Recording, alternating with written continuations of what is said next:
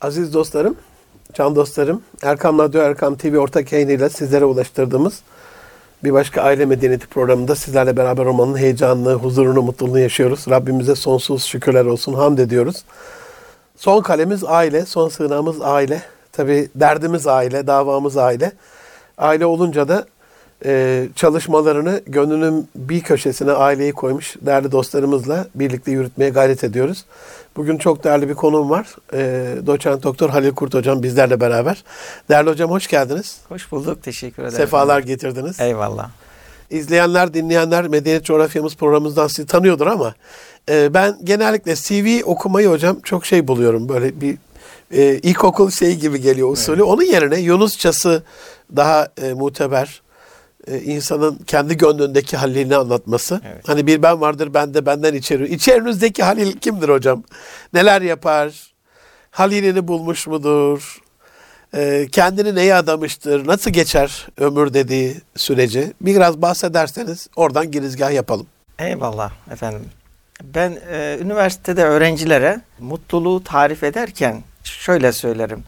E, hele hele son sınıfa gelen kişilere. Eyvallah. İnsan işini ve eşini doğru seçmişse mutludur derim.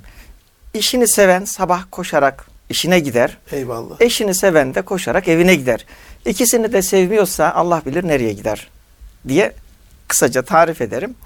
Şimdi yani insanın 30 yılı aşmış bir evliliği varsa benim gibi elbette ki bu birlikteliği sürdürebilmek başarıdır. Nasıl ki siz e, bin kilometrelik bir yolculuğa gidiyorsunuz. Diyelim ki İstanbul'dan yola çıktınız. Adana'ya gidiyorsunuz.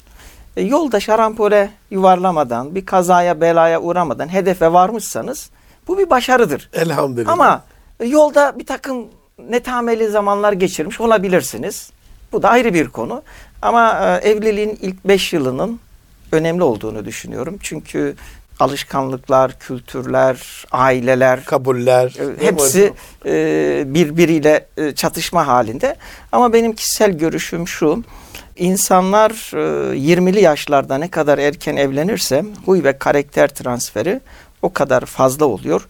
Ve yine ben hep söylerim bu benim sloganımdır.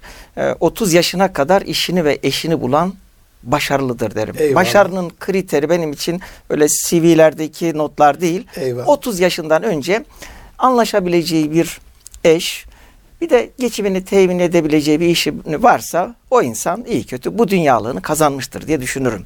Ee, kendi açımdan e, kendimi şöyle tanıtacak olursam biz üniversiteyi bitirdiğimiz yıl hemen nişan yapıp evlendik. Elhamdülillah. Ee, ve e, insanların da yani böyle bir evi geçindirecek duruma geldiği andan itibaren evlenmeyi düşünmesini doğru olduğunu ve fıtratın da böyle olduğuna evet. inananlardanım. Şimdi bakıyoruz biz böyle çevremizde İstanbul'da e, adamın işi var, arabası var altında, e, kazancı iyi. E, kadınlarda da görüyoruz bunu, erkeklerde de henüz evlenmeyi düşünmüyorum diyor. Yaşı da 30'lara gelmiş. Bu bana çok yani makul ve mantıklı bir durum gibi gelmiyor açıkçası. Kesinlikle. Kesinlikle öyle. Benim e, Twitter hesabımın ana girişinde hocam bu dediğinizi çok önemsiyorum ben de. İsabet olmuş iki gönüldaş olarak.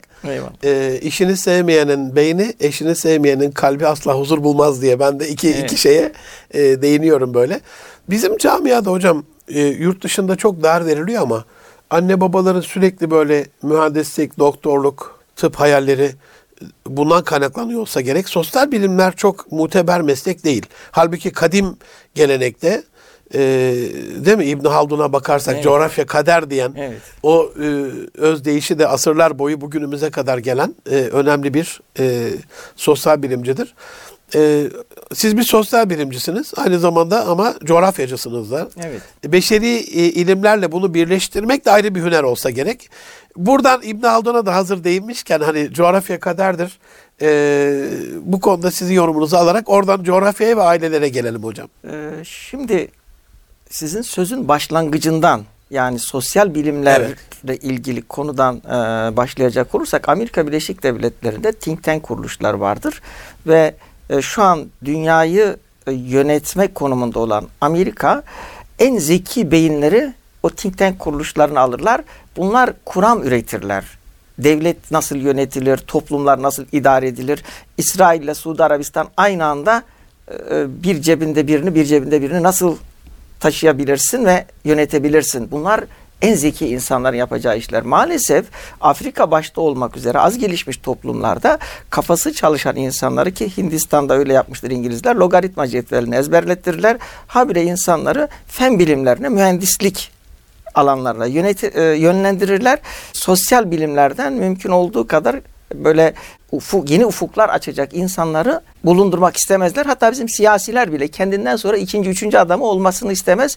Beni geçer diye. Çünkü sosyal bilimler ve beşeri bilimler öyle bir şeydir ki e, siz bir anda bir ufuk açıyorsunuz. Her yerin kapandı dendiği anda o insanlara yeni bir yol, yol verebiliyorsunuz, verebiliyorsunuz. Yol açabiliyorsunuz. Eyvallah. Bu yönüyle önemli. Eyvallah. E, medeniyet coğrafyamızda e, coğrafya kaderdir diyoruz. Bir insanın nasıl ki annesi, babası, cinsiyeti, akrabaları tercih olmadığı gibi doğmuş olduğu coğrafyada tercih değildir. O kültürün içerisinde doğuyor. Biz hasbel kader böyle bir coğrafyada e, işte Türkiye'de doğmuşuz. E, kulağımıza e, ezan sesi elhamdülillah. geliyor elhamdülillah.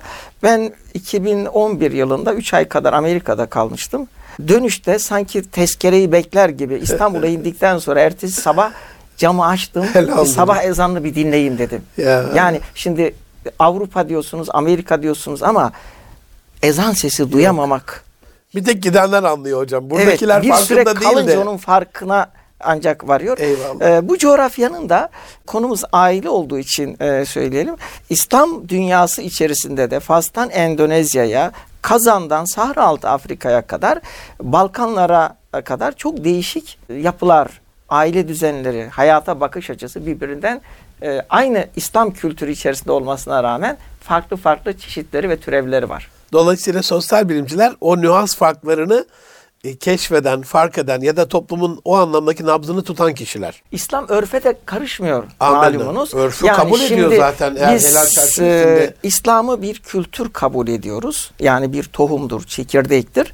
Ama medeniyet havzaları vardır. Hindistan, Çin, Anadolu, Mezopotamya, Mısır, veya diyelim ki Amerika'daki e, Azteklerin, İnkaların, Mayaların çünkü toprağın, havanın, suyun, iklimin elverişli olduğu yerlerde binlerce yıldan beri bir medeniyet inşa edilmiş. O coğrafyaya has bir giyim tarzı vardır, yemek kültürü Eyvallah. vardır ve beşeri ilişkiler vardır. Yani kültürleri anlayabilmek için işte doğumda nasıl sevinirler, evliliklerini nasıl yaparlar, ölüm törenleri nasıldır, gülerken, ağlarken birlikte olduklarında bu toplum nasıl, nasıl yaşar? Yaşar. Eyvallah. Esas budur e, o toplumu benzer veya farklı yapan unsurlar. Bilgisayarda böyle hocam kod yazılımları yapan şeyler var ya. Şimdi de evet. çocuklara da indirdiler bunu. Evet. Ee, anaokulunda bile kod yazılıyor şu anda.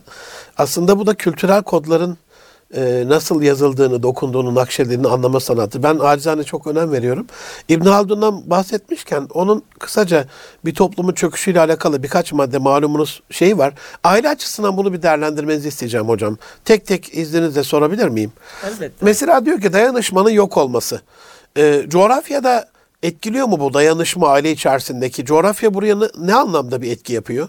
Hani Balkanlar dediniz, evet. Afrika, Asya, Türkiye, Orta Doğu. Öncelikle e, mesela Türkiye'de dahil olmak üzere İslam toplumlarında şehirleşme çok daha yenidir. Yani bir toplumda nüfusun yüzde 50'den fazlası şehirde yaşamaya başladığı zaman şehirli toplum diyoruz ki bu Avrupa'da 1890'dır, Türkiye'de 1980'den sonra. Aynen daha yeni yeni. Şimdi kır toplumlarında kadının rolü bizim e, düşündüğümüzden çok daha fazladır. Mesela konar göçer bir e, Türkmen aile yapısını düşünelim. Çadırın e, yönetimi, sütün sağılması, pazarlanması vesaire kadın orada dirayetlidir ve aile içerisinde en az erkek kadar rolü vardır. Bugünkü modern toplumlarda şehir hayatında da kadın çalışmaya başlayınca ailede biraz e, ekonomik olarak ve e, söz sahibi. Kadının en çok baskılandığı ki bu sanki İslam'dan gelen bir şeymiş gibi kasaba kültüründe yani 3-5 bin nüfuslu el ne der, el alem ne der kültürünün çok olduğu yerlerde kadının adeta adı yoktur. Orada e, işte e, gelenekler, görenekler biraz da üzerine İslam kılıfı giydirilerek Maalesef. işte ben izin vermezsem annenin evine bile gidemezsin, şunu yapamazsın, bunu yapamazsın gibisinden. Aslında İslam'ın e, vaaz ettiği bir aile toplumu bugünkü dünyada uygulanabilir olursa çok daha farklı bir Müslüman karakteri ortaya çıkacaktır. Fakat maalesef bize e, hep böyle e, karikatürize edilmiş maalesef. örnekleri sunuyorlar maalesef. bütün dünya genelinde. Hiç hayatla gerçeği olmayan. E, ne zaman böyle kandırıldık bilmiyorum ama hocam hani anne babanın yanında çocuk sevilmez. Ya hutbede e, Hasan Hüseyin Efendimiz'i omzuna alan bir peygamber var. Nasıl bu kültürel ee, kod değişti bilmiyorum. Şöyle mesela Çanakkale Savaşı'nı, Balkan Harbi'ni, milli mücadeleyi yaşamış e, ve erkek nüfusun çok azaldığı bir Anadolu ve İslam coğrafyası düşünün. O zamanlar evli, kucağında çocuğu olan ve bir beraber giderken balkondan eş bulamayan, koca bulamayan, evlenemeyen insanlar vardır gibisinden edeben erkek bir adım önden gitmiş, kadın arkadan gitmiş. Bu inceliği biz bir süre sonra öyle kaba softta bir yobazlık haline getirmişiz ki sen iki metre arkadan yürü ben önden yürüyeceğim. Yani bakın Magandalığa dönmüş Nereden, bir anlamda. Eyvallah, nereye geldik? Eyvallah. Yani yan yana bir erkek Ama bayan... hocam bunda sizin de suçunuz yok mu? Kusura bakmayın ama sosyal bilimciler niye bu nezaketi, bu inceliği nakış nakış işlemediler, ya anlatmadılar? Bakın bu incelikten nereye gelmişiz? Ya, ya.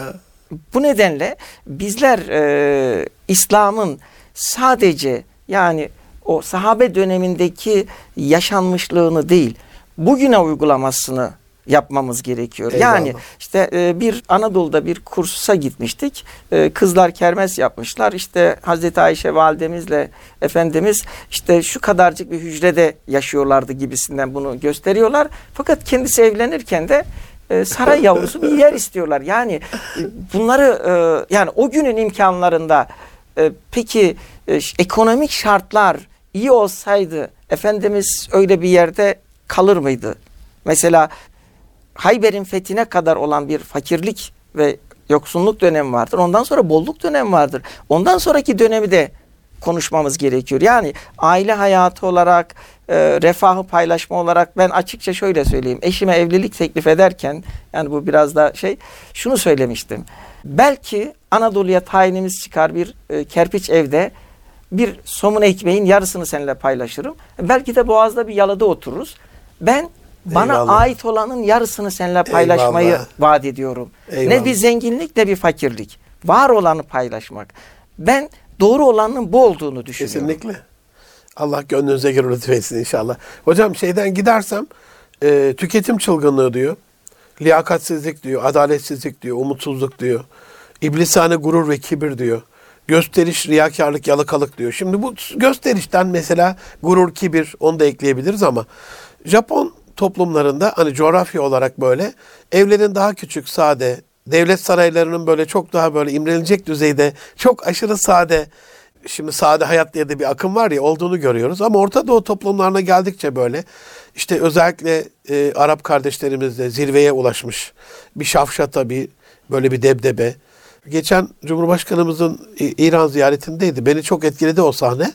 Meğer bütün Selçuklu ve Osmanlı geleneğinde varmış ama şu anda Türkiye'de uygulanmıyor.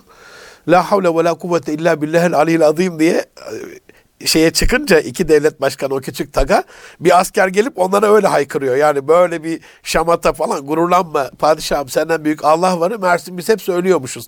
Bütün devlet erkanda. Uzattım ama hakkınızı helal edin.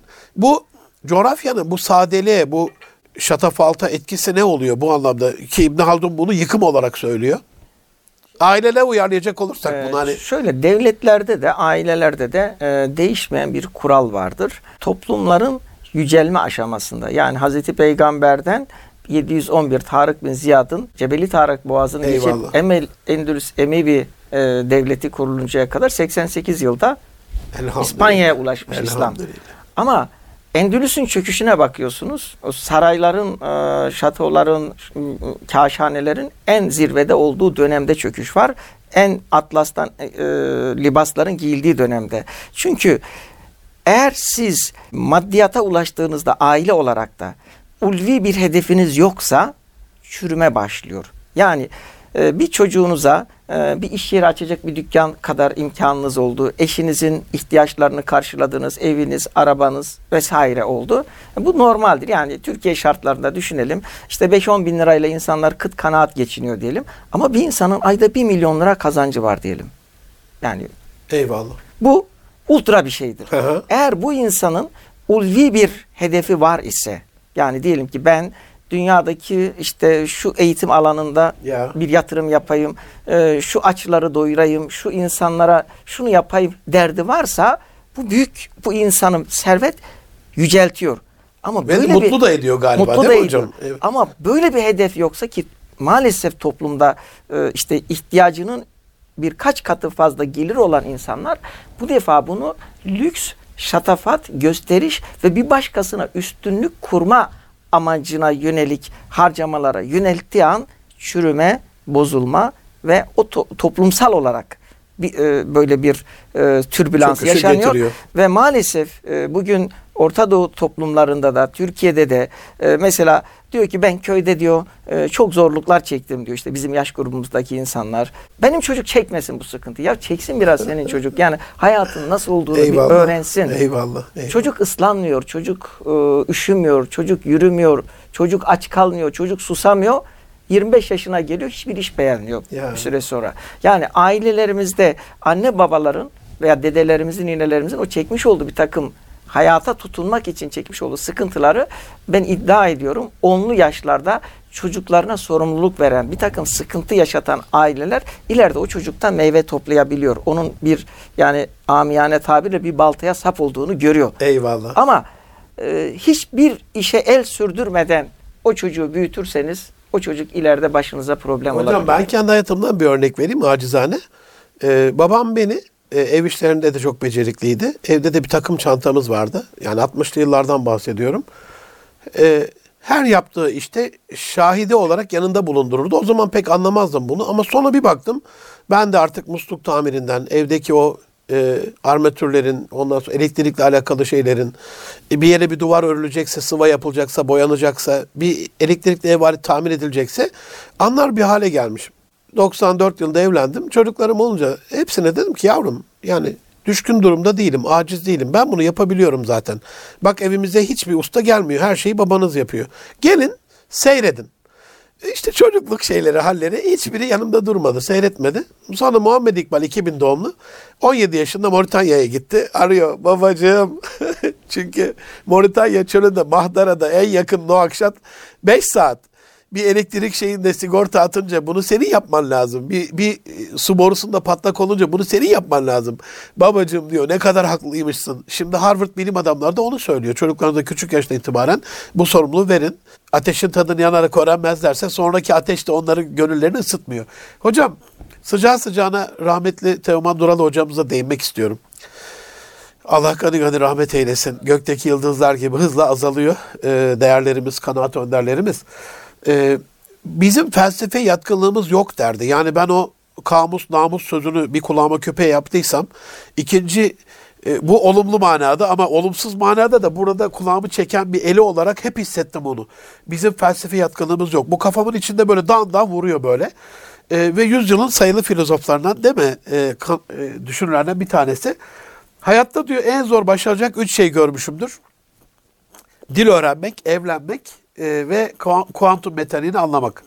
Bunların külhüne varamadım diyor. Şimdi e, coğrafyanın bizim yaşadığımız coğrafyanın genel böyle karakteristiği midir bu? Yoksa e, ne dersiniz? Hani coğrafya insan ee, şöyle coğrafya insan karakterinde önemlidir.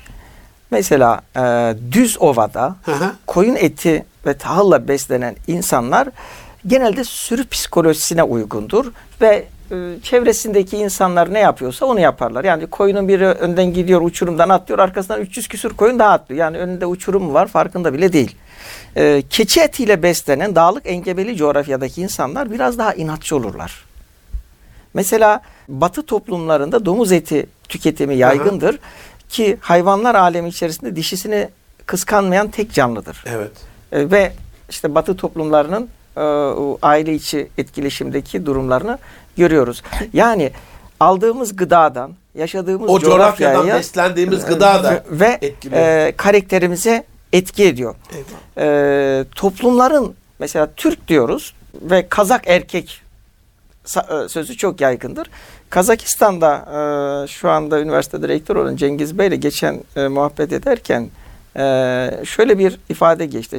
Şimdi Kazakistan içerisinde Rus nüfus e, hatırı sayılır bir nüfus. Evet. Yüzde yirmi civarında şu anda daha önce yüksekti.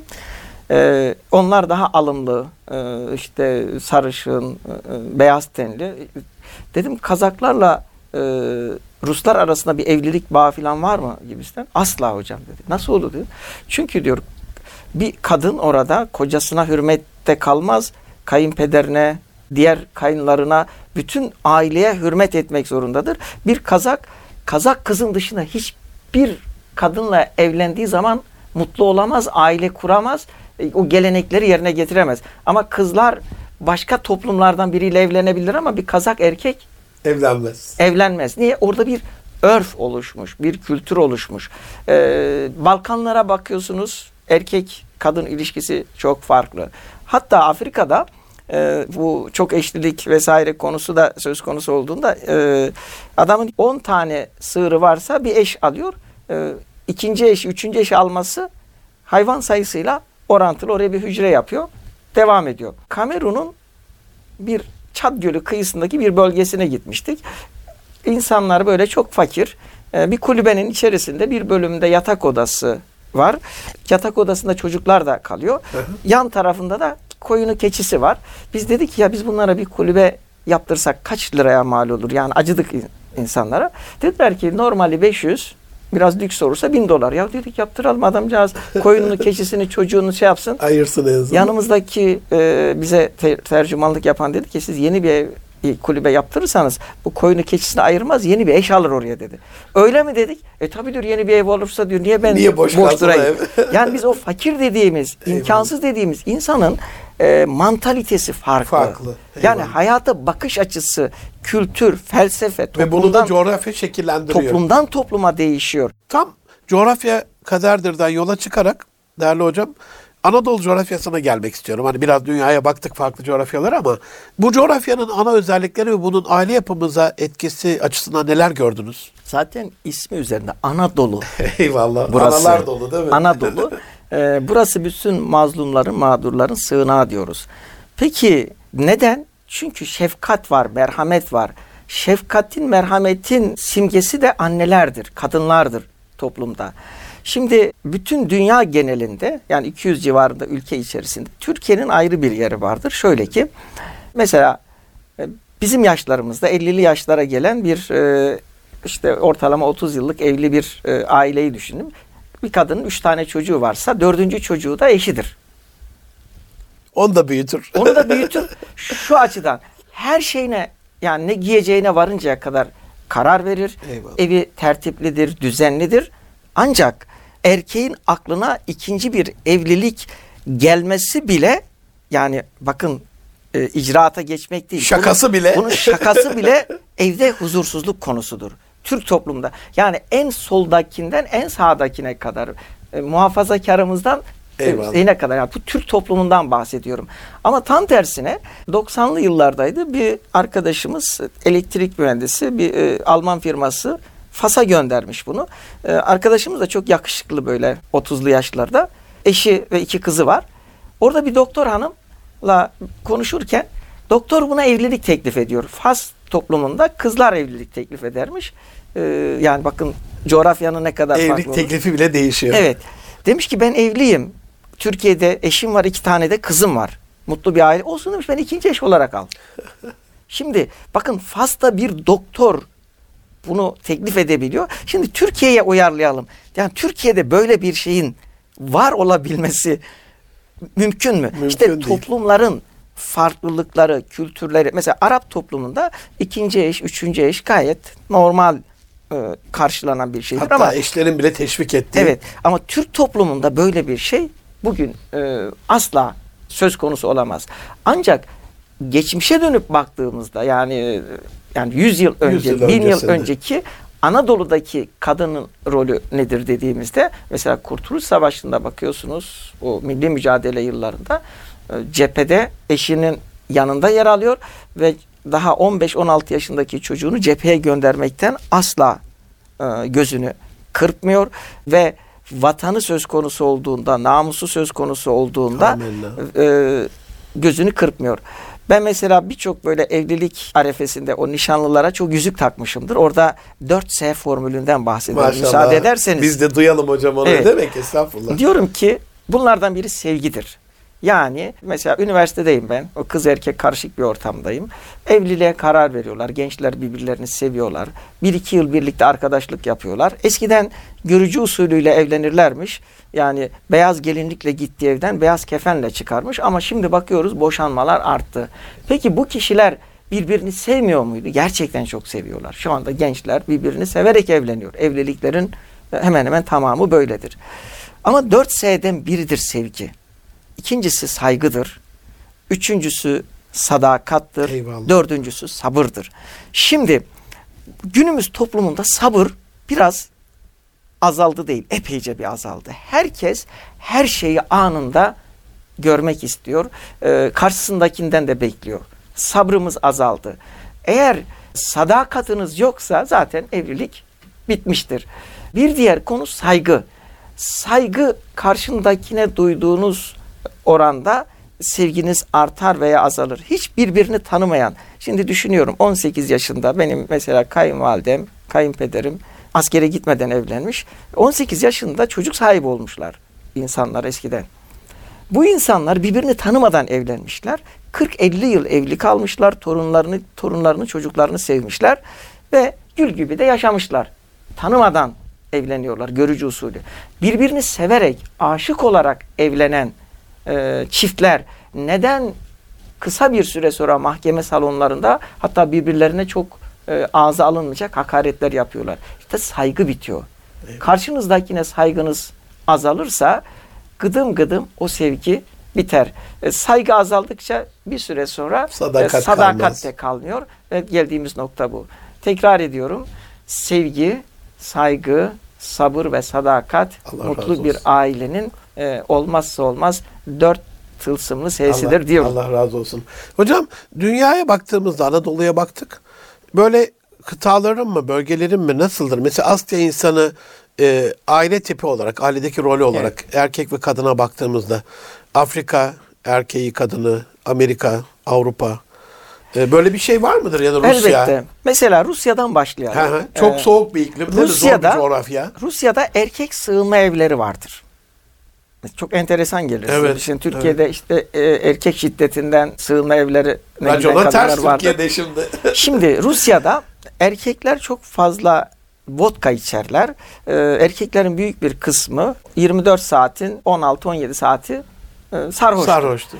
Dolayısıyla hayatın bütün yükü kadınların sırtındadır. Yani tarlada çalışan da kadındır, evde işi yapan da kadındır ve ağır işlerde de çalıştığı için adaleleri gelişmiştir kadınların, e, Rus kadınlarının. Erkekler ise sürekli alkolik olduğu için cılız kalmışlardır. Yani ortalama bir fiziki mücadelede kadın vurdu muydu devirir. Erkeği deviriyor. Ve dolayısıyla hiçbir işe yaramadığı için kadınlar tarafından şiddet gören erkekler sığınma evine gidebiliyor Rusya'da. Bakın etkiliyor en, yani. En, enteresan bir e, örnek. Eyvallah. E, Balkanlarda kadın için kocası veli nimettir. Yani böyle 50-60 yaşındaki bir e, diyelim ki eşi vefat etmiş ve oradan evlenmiş bir arkadaşımız söylüyor.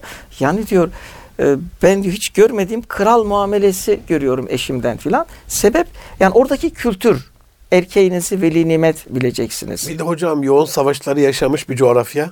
Ve hani o dediğiniz Çanakkale, Balkanlar, Birinci İkinci Dünya Savaşları büyük çatışmaların olduğu hani Bosna falan değil mi? Evet. Hani... Evet. İşte kültürel olarak her toplumun daha önce yaşamış olduğu travmalar vardır. Bu travmalar aile hayatında, e, kadın erkek ilişkilerinde, e, erkeğin kadına, kadının erkeğe, çocuklara, aileye bakış açısında da önemli bir değişiklik söz konusu olmuştur. Yine ailelerdeki çocuk sayısı e, kültürel ortamlara göre değişiyor. Mesela e, biz beşeri coğrafyada şöyle bir kural vardır. E, kırsal toplumlarda hı hı. yani geçimi tarım ve hayvancılıkla oluşan toplumlarda aileler için çocuk sayısı, nüfus güçtür.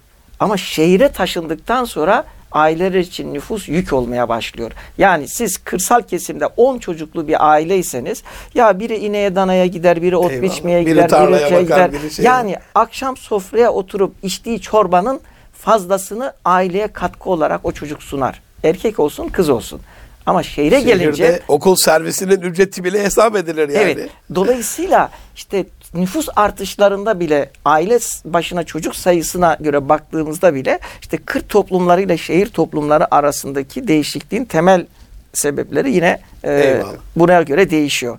Kadının ailedeki rolü de ekonomiyle biraz doğru orantılıdır. Mesela konar göçer toplumlarda veyahut da aile içerisinde e, aile ekonomisine direkt katkıda bulunan kadınların aile içerisindeki söz sahibi fazla oluyor.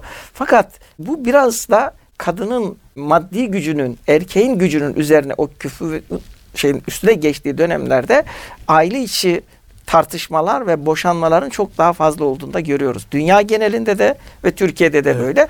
Bir de şöyle bir durum söz konusu.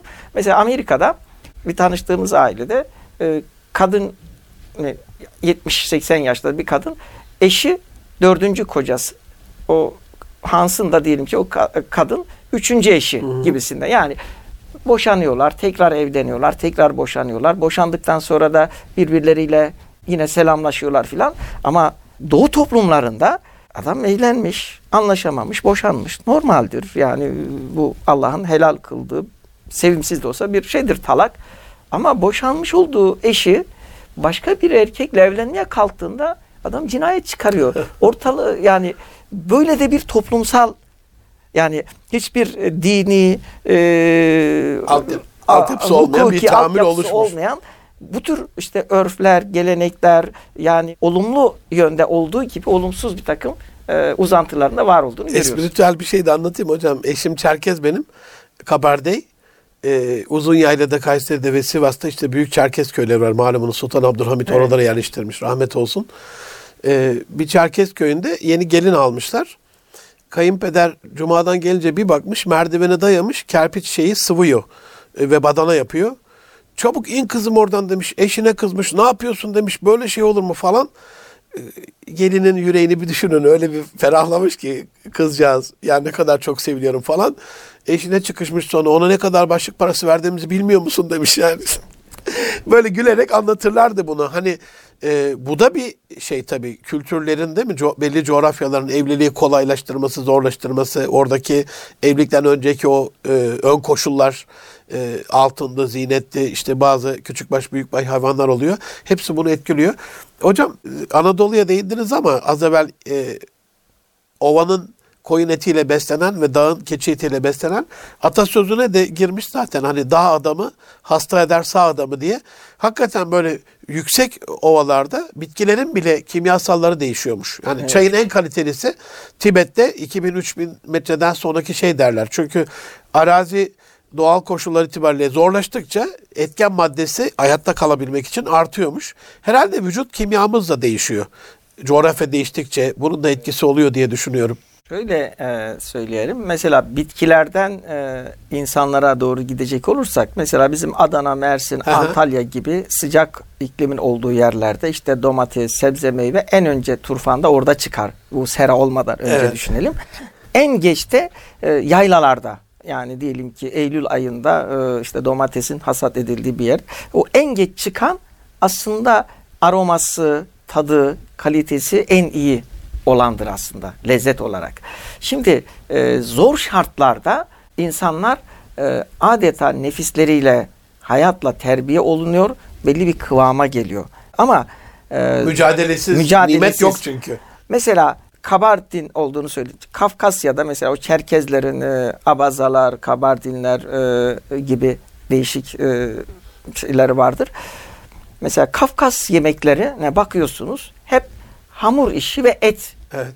Yani iki ana ham madde vardır. Un ve et. Şimdi insan düşünüyor neden böyle? E, çünkü bugünkü gibi şartlar böyle elverişli değil. Kafkas dağlarında veya bizim Doğu Anadolu bölgesinde e, bir kar yağıyor. 6 ay İçeridesin. kapalı. 6 ay dünya ile bağınız yok. O halde siz o 6 aylık süre içerisinde ne yiyip ne içeceğinizi önceden planlamanız gerekiyor. Dayanıklı olması gerekiyor. İşte adamın e, kilerinde unu var. Eti de kurutuyor. Eti de kurutmuş koymuş.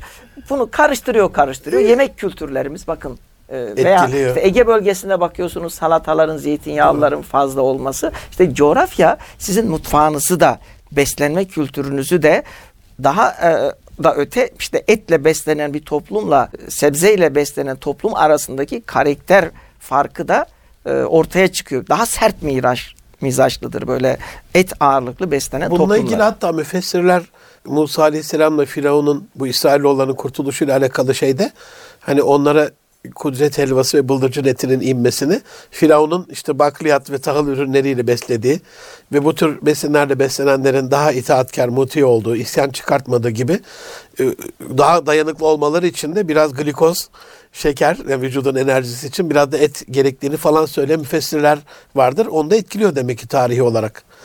Hocam bizim coğrafyada aile olarak baktığımız zaman bunu eski başbakanlardan Ahmet Davutoğlu Dışişleri Bakanıken söylemişti. Ben çok böyle şey yapmıştım, tuhafıma gitmişti ama Osmanlı'ya baktığımızda bunun öyle olduğunu görüyoruz.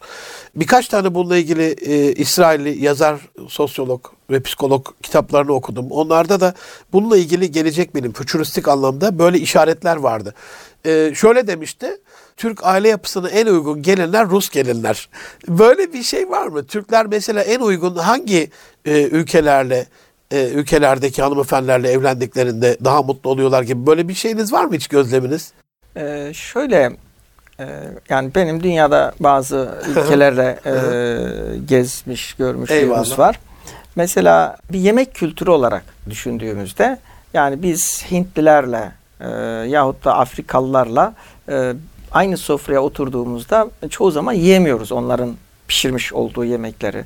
Ama diyelim ki bir İran mutfağı bir Rus mutfağı bize yakınken bir Çin mutfağı yani bir uzak doğu mutfağı tamamen uzak. asla damak zevkimize uymuyor. Yani bu evlilikte de aşağı yukarı benziyor. Yani siz şimdi e, eşinizin e, önünüze koyduğu yemeği e, bir lokma yiyemiyorsanız yani bu ne kadar sürdürülebilir bir durumdur diye düşünebiliriz. Mesela bir boşnakların Arnavutların mutfağı veya Kuzey Afrika mesela Arap coğrafyası içerisinde Afrika coğrafyası içerisinde Türklere en yakın Fas, e, Cezayir, Tunus o bölge e, kültürel olarak yani oturup beraber yemek yiyebileceğimiz, e, evlensek iyi kötü Eyvallah. idare edebileceğimiz ama bir Sahra altı bölgeden biriyle evlendiğinizde tamamen kültürel olarak farklı bir formatı görüyoruz.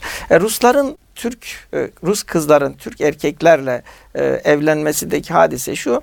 Rusya'da e, özellikle Sovyet coğrafyasında erkeklerin işte kiminin alkolik olması, kiminin işte çok fazla aileye riayet etmemesi yükümlülüklerine Türk erkekleri tercih edilen mesela Sovyet coğrafyasında Türk erkekleri evlenmek için tercih ediliyor. Çünkü biraz babacan ailesini koruyup kollayan Korumacı. ve o kadın da bir koca bulmanın, bir aile kurmanın mutluluğunu yaşıyor. Mesela Mısır gibi birçok Arap toplumlarında ise Türk kızıyla evlenmek bir övünç vesikasıdır. Yani bir Mısırlı gelip Türkiye'den bir kızla evlenmiş, işte Mısır'a gitmişse ben bir Türk kızıyla evliyim. Sözü onlar için bir iftihar vesilesidir. Çünkü o aileyi çekip çeviriyor ve çevresine göre ona bir fark katıyor. Dolayısıyla demek ki toplumların da birbiriyle yani aile bağı kurmada farklı oldukları, benzer oldukları yanlar vardır. Yani siz işte ben Çinli ile de evlenirim, Mançuryalı ile evlenirim diyebilirsiniz ama bunun bir de geçim tarafı Sürdürülebilirlik vardır. dediniz ya hocam. Örfü vardır, yani. geleneği vardır, yemek kültürü vardır ki üç öğün aynı sofraya oturacaksınız. Dolayısıyla mesela eşler arasında e, damak zevkinin benzer olması, düşünce dünyasının yani aynı pencereden dünyaya bakmak. Hatta e, işte siz gezmek istiyorsunuz, eşiniz hep evde oturmak istiyor. Buradan bile olmaz. Problem çıkar. Yani demek ki hayatın her alanında gerek yerli gerek yabancı biriyle e, insan eş olarak evlenmiş olsun hayata aynı pencereden bakabiliyorsanız e, işler Eyvallah. kolaylaşıyor. Ama Eyvallah. farklılıklar arttıkça e, onları törpülemekle ömür geçiyor. Bir de dünyaya bir kez geliyoruz. Yani e, hiç kültürünü, huyunu, suyunu bilmediğiniz bir insanı sıfırdan belli bir noktaya getirmek de bir zaman, bir enerji harcıyor. Onun için de artık bu bir tercih meselesidir diyelim. Bir de elimizde şöyle bir örnek de var hocam. 60'lı 50 yıllardan sonra bu Almanya'ya göç eden işçi kardeşlerimizin orada çok denediler bunu Alman kızlarıyla. Ee, işte güzelliklerine vurulan, parasına vurulan ya da orada yasal şartları yerine getirmek amacıyla şu da bu sebeple hiçbiri yürümedi. Bunu bir psikolog arkadaşım aynı zamanda sosyoloji şeyi de var çap yapmıştı. Ee, ya bizde diyor çok babacan evin reisi diyor geçimin tek şey, ailenin reisi diyor yani hani biraz böyle büyük bir abi olduğunda masada nasıl hesap ödetilmezse bizim kültürel kodlarımızda bu var. Ayıptır yani. Evet. Günaha yakın ayıptır hem de yani. Ama Almanya'da ya sen de e, bir insansın ben de bir insanım. Karı kocanın bakışı bu. Alman usulü diye çıkmış oradan. Yani hesabı bile ortak ödüyorlar. Niye? Senin de maaşın var, benim de maaşım var. Niye ben senin hayatını yükleneyim gibi. Yürümeyen evlilikleri bu açıdan da bir değerlendirmişlerdi. Katılır mısınız bilmiyorum ama size de sormak istedim. De, e, evliliklerde insan başlangıçta neyi hedefliyor ona bakmak lazım. Eyvallah. Asıl, asıl Ee, önemli nokta o. Ee, bir radyo programı dinlemiştim ta çocukken. Naciye diye bir kız, ev kızı, yaşı da 30'lara gelmiş. Çok gezmek, görmek istiyor. Bir de konsolosumuz var. O da dünyanın her yerini gezmiş, Eyvallah. yemiş, içmiş, eğlenmiş. Mazbut bir kızla evlenmek istiyor. Şimdi bunlar evlilik aşamasındalar. Kızımızın hayali o konsolosla dünyayı gezmek. Eşin hayali de erkeğin hayali de mazbut bir kızla artık ben yeterince gezdim, tozdum. Bir yuva kurayım, çoluk çocuğa karışayım. Yerleşik hayatta geçeyim. Evet. İşte bu beklentiler çok önemli. Mesela Türklerle Ruslar arasındaki evlilik çok fazla. Genellikle erkek Türk e, Evet. Rus kızlarla ve yüz binlerce şu anda Rusya'da babası Türk olup annesiyle kalan çoğu da terk edilmiş çocuk var. Çünkü bizim burada tırcılarımız, e, bir takım ticarette gidenlerimiz Özellikle kaşına, Ukrayna'da çok kaz, kaşına, gözüne, var. Evet. güzelliğine Evet. e, bir an için meylediyor. Evleniyorlar, bir süre kalıyorlar. Çocuk da dünyaya geliyor ama buradaki kadınlar değil aslında e, özne olan bizim erkeklerimiz biraz daha ayran gönüllü olduğu için orada birçok da vebale girilmiş durumda. Yani eski o Sovyet Öyle bir veri var hocam coğrafyasında yani maalesef, şu anda maalesef. hatırı sayılır bir Evet. e, nüfus orada annesiyle yaşıyor. Babası Türk olup e, terk edilmiş.